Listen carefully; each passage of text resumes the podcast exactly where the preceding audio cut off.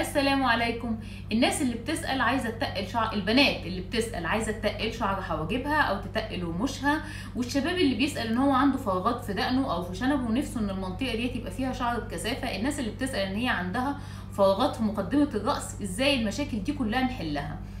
في قطرة بتستخدم القطرة ديت بتستخدم أصلا لعلاج الجلوكوما. المادة الفعالة اللي فيها اسمها ال bimatoprost اللي اكتشفوا للناس اللي بتعالج لهم الجلوكوما إن بعد فترة من العلاج تقريبا من شهرين لثلاثه بتبدأ رموشهم تبقى كثيفة وطويلة.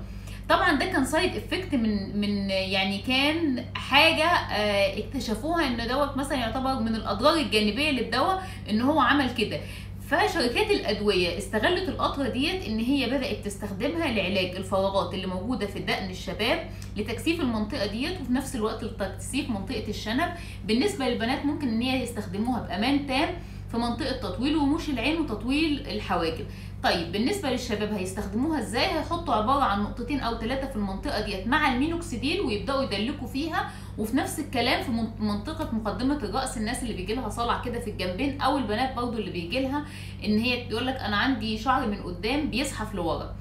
بالنسبة للحواجب والرموش بنعمل إيه؟ بنجيب علبة مسكرة فاضية ونفضي القطرة ديت فيها ونيجي بالمسكرة نعمل بيها رموش من فوق وتتجنبي خالص تماما تماما تماما إن هي تلمس جلد الجلد من تحت لأن هي بتسبب الهالات السوداء. بس كده. أشوفكم فيديو جديد. bye bye.